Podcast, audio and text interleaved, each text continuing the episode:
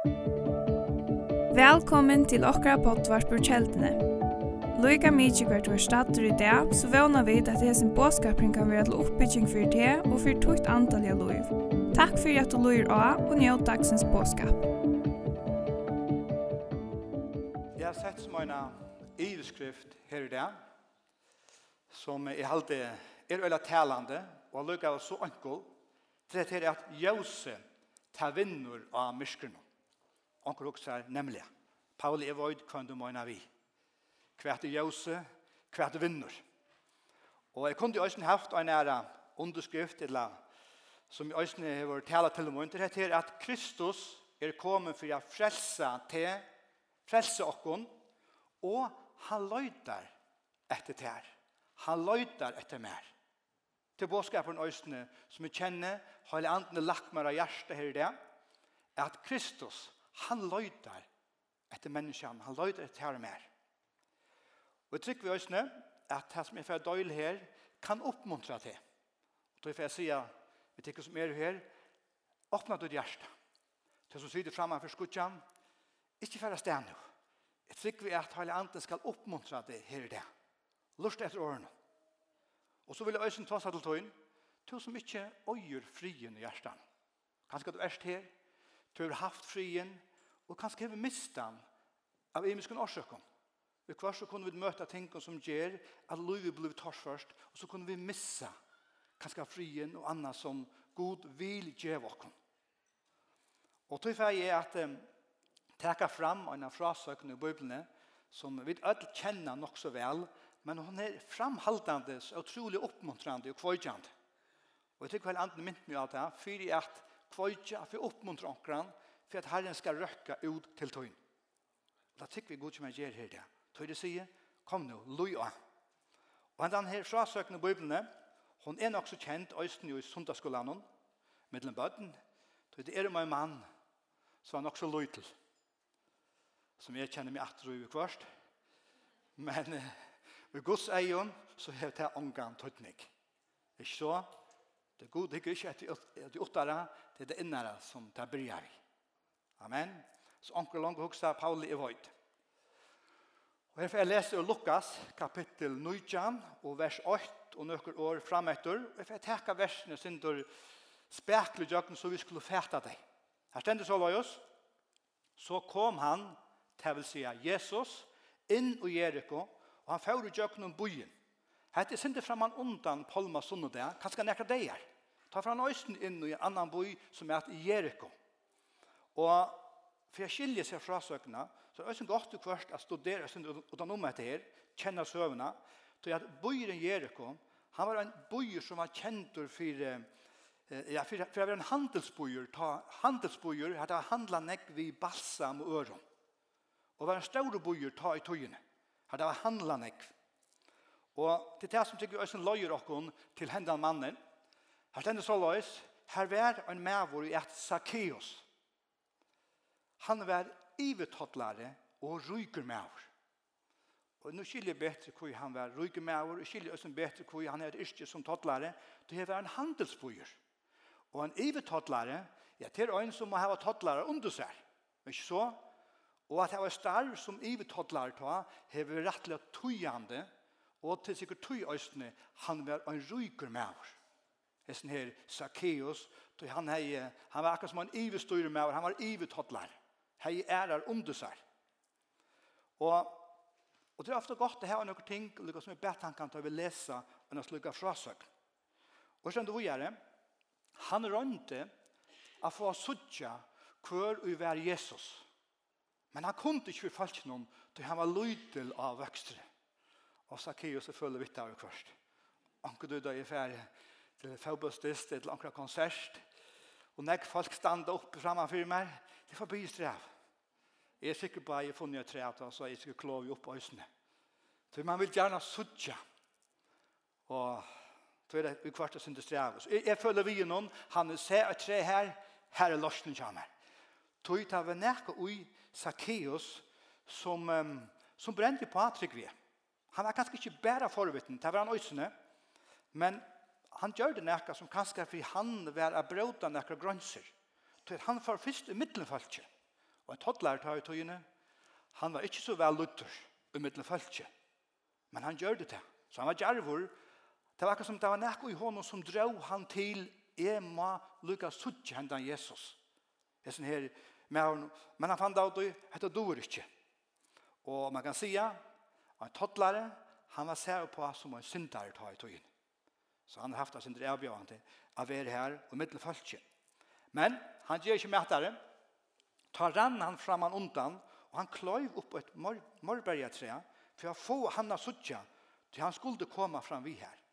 Så Zacchaeus hoksa, han er sammen med ikkerne, her langer framme, her er tre, jeg færre bare i det tre i her, og så færre opp på padet, jeg vet at Jesus kommer fram vi her, frydla søttene av sin mannamikken som er vi han tar ved. Og det måtte han jo gjøre, tog han var lydla vøkstre. Det som er verst å legge merke til, det var til at Zacchaeus, Han er vært løytant. Han er vært søkjant. Det er et eller annet i hånden som sier, jeg må lukke å finne det av hva som Jesus er. Selv om han er en toddlare, han er et arbeid som tar kanskje være og synder avbjøvende. Og så stender i vers 6, Ta når Jesus kom her, hukte han opp, og han så han, og han sier, sier vi han, Zacchaeus, skundat her. Jeg kom jo der, og jeg skal være til huset kjatt her. Og hinner tøyne stender, jeg skal komme og gista i tøyne huset. Wow. Jeg vet ikke hva Jesus, eller jeg uimynd meg Jesus i vever, hever nok se han denne Zacchaeus, framman undan. Han er, han er visst akkurat. Ikke du, det er stender, unga som står det møtst, men et eller annet, så er det nekka som, som Jesus sa, og kanskje mest i aser. Her var en mævor, som nok heie eh, nekra erbjørngar som var søkjent. Han løyte etter omkron. Og da Jesus sier, jeg skal komme og gista til der, så stendur, og i råk så firmar, at allt blir nekka kløkk. Jesus, ja, men er du klar i hver som er ned? Og kanskje Zacchaeus hever lykka så kløkkur. Ja, men hva sier du, Jesus? Skal du komme hjem til moin? Og stender her på en. Hvor gjør det? Han skumta seg ta og kom nye og tog og møte honom vi gled. Wow. Her er som en frukt og en treje som var bona, som var klar, som bare datt nye ut treene, som frukter kunne gjøre som er bona. Hon var klar, hun kunne datt bare nye nyer treene kunne si Det stendt han tog og møte honom vi gled. Og hvis du ikke lykker noen kapitler framan undan, så har vi denne frasøkene her i Lukas 14, 18, her det er et brittlopp, et eller annet nåttre som Jesus viser av, at han sendte tænare ut til at bjøve eh, folk inn til en nåttre, til en brittloppsmålte som er myndig av til himmelska. Og ta i tøyne er det sikkert vært så løs at man sendte innbjørnger ut fra man undan disse her varslene. Og det gjør man så øyne til brittlopp på det. Man sender ut innbjørnger ut, og så kunne folk gjøre en til svær atter, eller det bare alt kunne komme. Og i så føren så ble det sendt ut, kanskje munnlige, men så da det var klart, så var tænerne sendt ut at og sier, nå er til røyer å komme inn i seg varslo, hette brittloppet. Og det som jeg vil avverst å lese om hese tror jeg personer, et lese her, tror støyene, det var det at en sier så løs, jeg har akkurat kjøpt gjøre, og jeg kan du ikke komme, som om at gjørene ikke være her der nettopp. Og den neste sier, jeg har akkurat kjøpt fem pør av oksen, og jeg må nå for å røyne tar. Og det okser tar i tøyene brukte man til at eh, velta hjørne. Så i dag er det jeg akkurat kjøpt en nødjan traktor, og et til anbøyene, og jeg må få ut av røyne til. Så må man traktoren ikke stå der netter. Og den tre, jeg mener, enn stortligere. Jeg har akkurat finnet meg kån, og jeg kan du ikke komme, og etter heter. Ja, men gav oss til å ta kånene vi, og Akkurat som, ja men det är det bästa man kan göra för tjonabandet till att komma sammen till Jesus. Så att och här som før, här Jesus visste jo att här var det undanförsler. Det vill säga man brukte omberingar för att inte komma. Och det er inte så gott å bruke omberingar tar vi det inbjöva Og Och särskilt har vi tåsa om det himmelska. Här vi kunde få att livet liv som är liv i överflöd. Men Zacchaeus, jeg elsker dette her. Og tog jeg sånn, når frasøkene blir en så livande firma, og han runka i min hjärta, morgen et år, at her, han tok imot i honom vi glede. Fantastisk. Og så husker jeg falske. Hukser jeg vidt, hvis det var onker store synder her, som knappelig affær, som bjør Jesus inn, og Jesus kommer her. Stender her på en, ta etter så hetta, knarra og ta i ødel og søtt, han er færen inn, at gista tja en syndig mann. Og dette her er vi kvart avbjørn, tja åkken øren og øsne vi kvart. Tog jeg ta vanlige, som jeg sier Sindre Johanne, til at hukse at han tottlare, det var en som ikke bare levde i doldon synden, han levde i åpenlust og i synden. Tottlare syndare tar vi kvart i samme pott, kan man sige, ta i togene. Det er da nok ikke det, skal jeg halde ikke. Men ta i togene, ja, tar vi kvart i samme pott, tottlare og syndare. ta levde i åpenlust og synd, Tøy, hva gjør det hotlærta? Ta hjelp til romversk og statsmaktene og tar kua og gjøter vi at de skulle betale skatt. Og mer skatt enn der åtto, og ofta så var det tattlarner, ta ryga og seg sjølvar opp. Og folk her i byen som kjente Zacchaeus, som var noen jøte, som arbeidde for romverske staten, de domte ikke Zacchaeus. Og alle var med ham. Og Zacchaeus visste det. Og så husker jeg, da jeg husker om Zacchaeus, han var ivetotlar. Så han er vært ivesyndar. og så hokser jeg, kjenner to til anker du så løs? Til så sier det fremme for skudtjen, kjenner to til hver som en, ja, men Pauli, jeg er en ivesyndar. Jeg er nekk verre enn henne. Og så er det så godt å sutja at Jesus, han sa øysene ivesynderne. Og det betyr ikke for ham. Så Jesus er større. Jesus Han kan gjøre noen ting som ikke mennesker kunne. Og tog er jo båskaperen, og som jeg alltid sier, glede båskaperen til dette, til lykke mye, om du er en ivesyndare, om du skal bruka det året, så er Jesus større enn det. Så kan Jesus mer enn det menneskeslige. Jo, Zacchaeus, han var øsne og en syndare. Øsne og Jesus er egen. Men Jesus ville vi ikke han. Han ville komma för att hjälpa, för att bjerge, för att frälsa Zacchaeus. Så du, Jesus ser ikke bare feilene til Zacchaeus. Men hva sier Jesus? Jesus ser perlene i hånden, og Jesus vil ta perlene fram. Tja ivesynderen så sa Jesus en perle som var dult, som var gømt, som var krekva, og som Jesus sa, Og dette er det som jeg alltid er fantastisk ved Jesus. Du kan godt halte til han, Pauli, er langt nere. Men Kristus, han ser langer inn enn menneskje sutja. Vi sutja ofta bare iverflatna, og sutja kanskje bare det kjelia.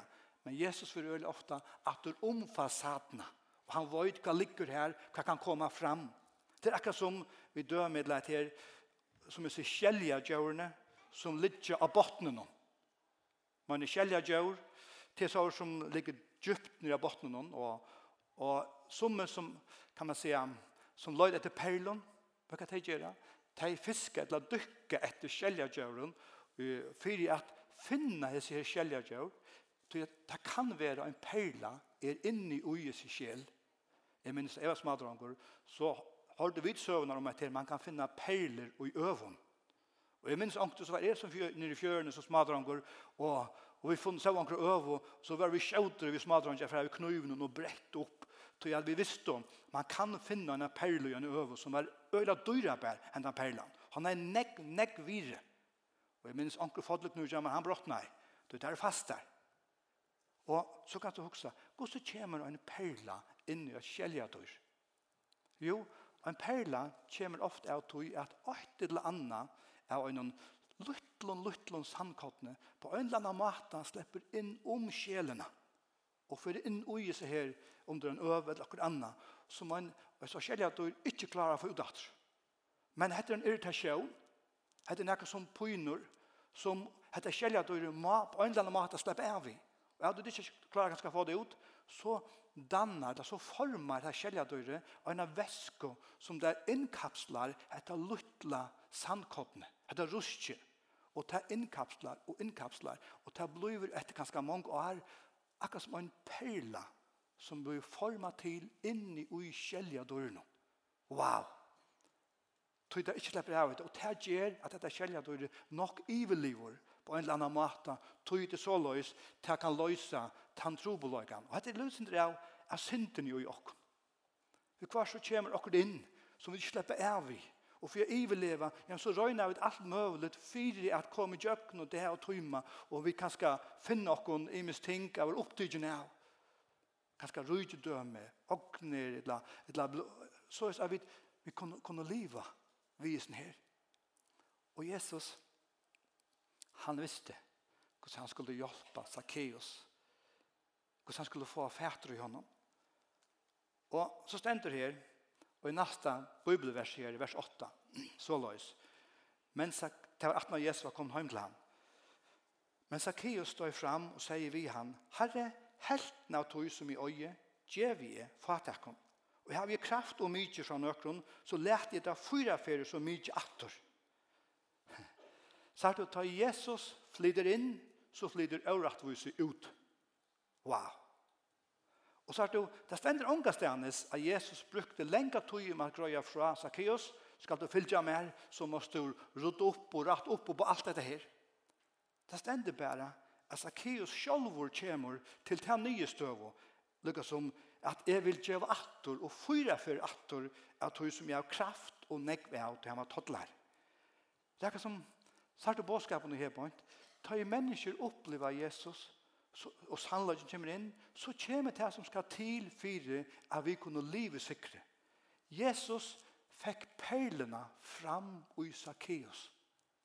Men dette var perlene som började lysa, det nu var det gavgjerer som han selv ville gjøre. Tog at det var en omvending. Det vil si at dette opplevelse ved Jesus som Zacchaeus fikk, det førte naturlig fram til det at han sjálfur vilde djeva attur. Han sjálfur vilde liva og i ratt og sannløyka. Og så sier Jesus her, hvor er Da sier han vi han, og i det er frelsa kommet iver dette hus, vet det at Øystein han er sonur Abrahams. Og dette ble brukt, uttrykk ble brukt, ta i tøyene, ta jøda ble frelster, finka møte, så lukka som var vurst av Abrahams trygg heva frelsa komin inn i dette hus. Og så sier Jesus, og som jeg østene begynner vi, heter til menneskjasonen, Kristus, er ikke kommet av løyd etter tog som var tapt der. Nei, han er kommet av løyd etter tog som var tapt der, årsaka. For jeg frelsa det. Kristus er kommet av løyd etter tog. Vi byrjar når vi tog. Kristus, Jesus, han løyd der etter tog. Han er kommet av løyd etter tog som var tapt der og frelsa det. Amen. Og dette er gledebåskapen. Det kan godt være at du helder, han Pauli, er i djupas nirri i, kan man si, i delen. Ja, men det er just det han er kommet etter. Så er fann Jesus med. Han løy meg opp, og jeg kunne gjøre et attersvær. Og jeg ble løster. Jeg ble fruavår. Og det er vi suttja, vi Zacchaeus her, her var frelsa kommet i huset. Og at her lyser så vel Øysten Rombra 5-8, Men god vuste kärleka sån till okkara har Kristus døye för okkon medan vid vår og syndare. Det vil si, du kan komma till Jesus til att han døye för det medan du varst och i djuben medan du varst og i myskren medan du varst och i sånne her myndelige tal och i kjelja døren och här varst og i myskren. Det vil si, Jesus har långt tid första stige med det her och mer. Och det är glädje och i det til öll okkun og til tøyn som sitter framan fyrir skudjan, hette gledebåskaperen. At Jesus er kommet og han løyder til opp til han vil frelse, han vil bjarga til her.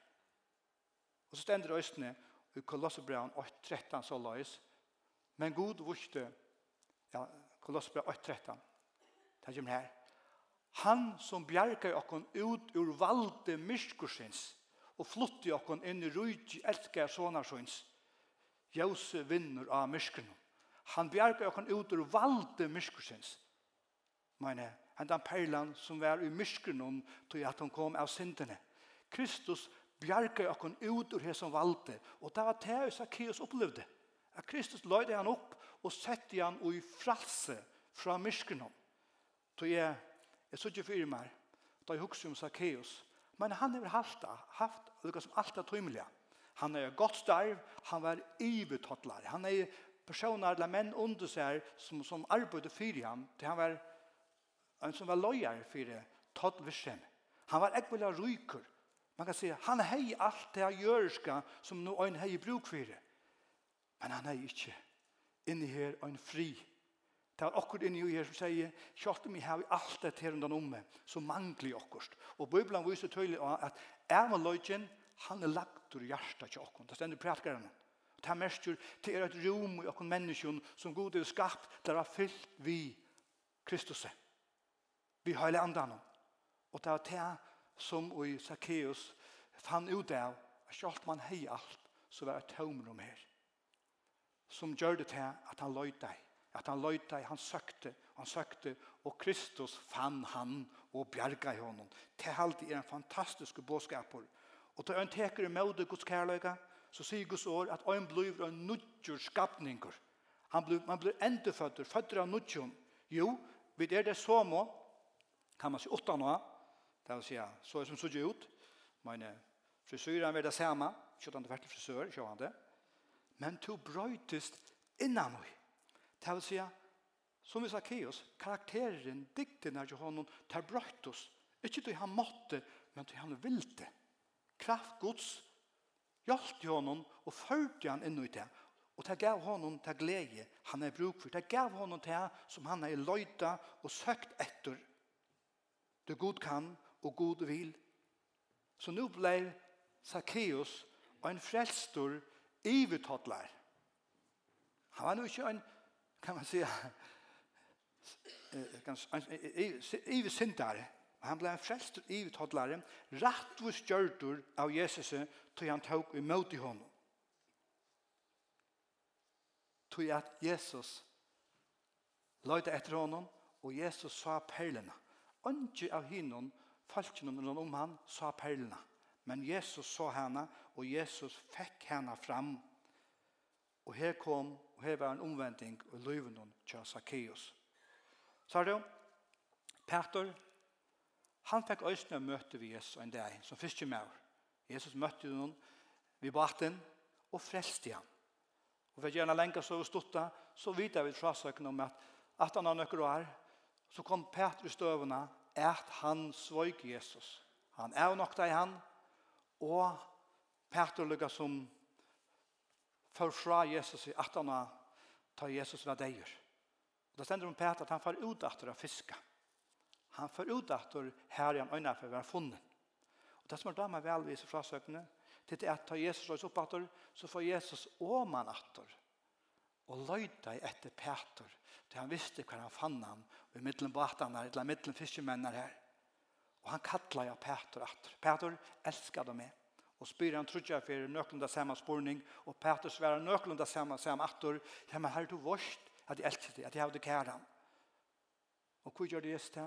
Du Jesus vil øyne ofte slippe inn og hjertet du bygger åkken. Det skal ikke være iverflates, men han vil. Og det var det i Øysten Zacchaeus opplevde. Jesus forlanger inn. Det er her i frugjeringen, frugjeringen kommer, tar man forlanger inn og ivergjørelse. Peter fikk opprettet han. Han fikk et jøgnebrått. Selv om han kunne kjenne seg ekvelig fordømt dem. Og jeg har jo i kvart, at her, kan merke at det er noen mennesker der som kjenner seg så fordømt. Du kan skal si det her, du kan skal si det framme for skudjan, ja, Paule, du varst ikke gos i heve svitje, bare så og så, og ikke minst Jesus, og du kjenner det fordømt han. Men varst du gans året sier ösne og i Hebreerbrevet kapittel 3, vers 8, den så løs, som höjle anden sier i det, og höjle anden sier øsne ting i det. Og i det, om du høyre rødt hansara, her er ikke hjertet, eller hjørstetikkere, øns og er vær i borskløgene, frøstinger der i øyemørsene. Og dette var jo tåst til Israels folk, som alle tøyene stod i møte, kan man si, tøy som god vil til han lødde deg. Og de til endan fløyre av dem en held og hjertet sitt, og kom ikke inn i lov av landet. Og tog sier hele anden øyne det av i okken, at ikke at her er hjertet okkara. Tøy vi kjenner at Herren taler, At du kan høyre året som taler til døgn om at ja, men du kan komme til Herren. Du kan oppleve at bli frugjørdur. Du kan oppleve at komme atter som Peter gjør. Ja, så er det området at du gjør at vi gjør et attersvær. Så er du nækka som er, er blivet herst, hever øyne for virblett. Og en hering, nækka som heres, til nækka som hender øl ofta stivust. Kanskje tog omstøvene her, og i løyven noen til åkken, la tøyne løyve, kan avvirka så løys at et hjertelæn blir herst, så vi og, og vi, tøy til letur omstøvner køva. Og tøy gjør du ikke at det svær, ta i god kattler, og ta i hjertet. Og hjersta benkar til god vilnæk. La meg si så løys, om du kan kjenne alt her, at nek og hjertet tøyne røres, så er det tøy av er ikke herst. Det er ikke kommet her til at du får herda. Og så langt som vi er her, så lever vi under nøye tog hver god kattler mennesker til frelse som ångar det åttan, men han kallar øysene til som kan skal ha svitj han som Peter gjør det. For jeg får det atter, innatter og i livet sammen med honom. Og la meg enda vis ned i Jeremias, kapitel 18, som du kjenner. Lørkjøres myren og løyre. Sært du? Og i løyre, da løyre kommer i hånd lørkjøya smyen, som er mynda okkara fægir himmel, Kristus, kunne vi sige, så kan han evna til mislukka jeg løyre atter av nudjum, til det som Gud kan gjøre. Om at menneska kjenner seg mislukka, av syndene, av det man gav etter, til man svøyk omkram, kjem man atter i morstarens hånd, så kan han evna hette løyre atter av nudjum til det som nu Gud vil hava det at være. Og det er kraft Guds øysen i det. Og det tror jeg sier, og i det om du høyrer år herrens, høyrer rødt herrens, så ikke standa du imot, eller ikke kommer vi omberingen som henne gjør det, jeg får ikke tog nå, Paulus, skal nå, jeg har akkurat kjøpt det hett og hatt det, man røyner til av. Ikke kommer vi omberingen, her Jesus, vi og i tøy. Det blir vel til, og tog ta etnast det enda bedre, at du lover honom inn Og det er det som han vil vi oss mennesker det. Han vil komme og være sammen vi oss. hjelpe oss til å leve og gjøre som sikre som god hever og vil gjøre oss. Peter ble evne over til av nødgjøn. Til fadl, ta skuffelse, ta vende atter til et nytt liv. Enda nødgjøn. Og Peter var en sikning for Guds rydtje. Til å nå ut til mennesker. Så jeg får enda nå her via byene bøn. Jeg får se vi til som er her, øye du ikke Jesus. Så får jeg byene bøn om nå, så kan stå bare her du sitter, hvis du vil takke med du Jesus, så bare litt en hånd opp så løs. Etla du kan folda der. Etla sitter du fremmefyr skudjan, og du ikke øyer Jesus. Du har ikke Jesus i hjertan. Eller du har svidt Jesus, så eller så, og du føler, i hever jeg kan fri meg. Så får jeg be deg om, ta inn og får jeg be en bøn for deg. Kanskje du legger hånden av du brøst, etter at du folder dine hender. Du kan enda litt av dine hender opp, fremme for skudtjen, som jeg sier, blir vi god er nærværende i alle stedet Det er ikke som skiler ham, tog et eller sted, et eller landamørsk. God er her, og han er i åresønnen til nær. Og tog for jeg jeg sier vittig, ta inn og be, at du kan litt av dine hender opp, et eller folda der, så vil jeg be en bøn for deg. Og lykkes vel så vil jeg bya for det her. To som hever innska ting til strøyes via ligam. sjuko, plavo, sala litt. Så får jeg bya sånne bøn for det her at Gud skal nema ut et ligam og gjøre det hølsebøt til han mentor til. Øysene i det. Det tog vi feira postje. Jesus tog bæger okkar sinter, okkar kvaler, okkar sjuker og krossen. Og allar var vi her. Og tog kunne vi bia vi dervi, òsni om halsen.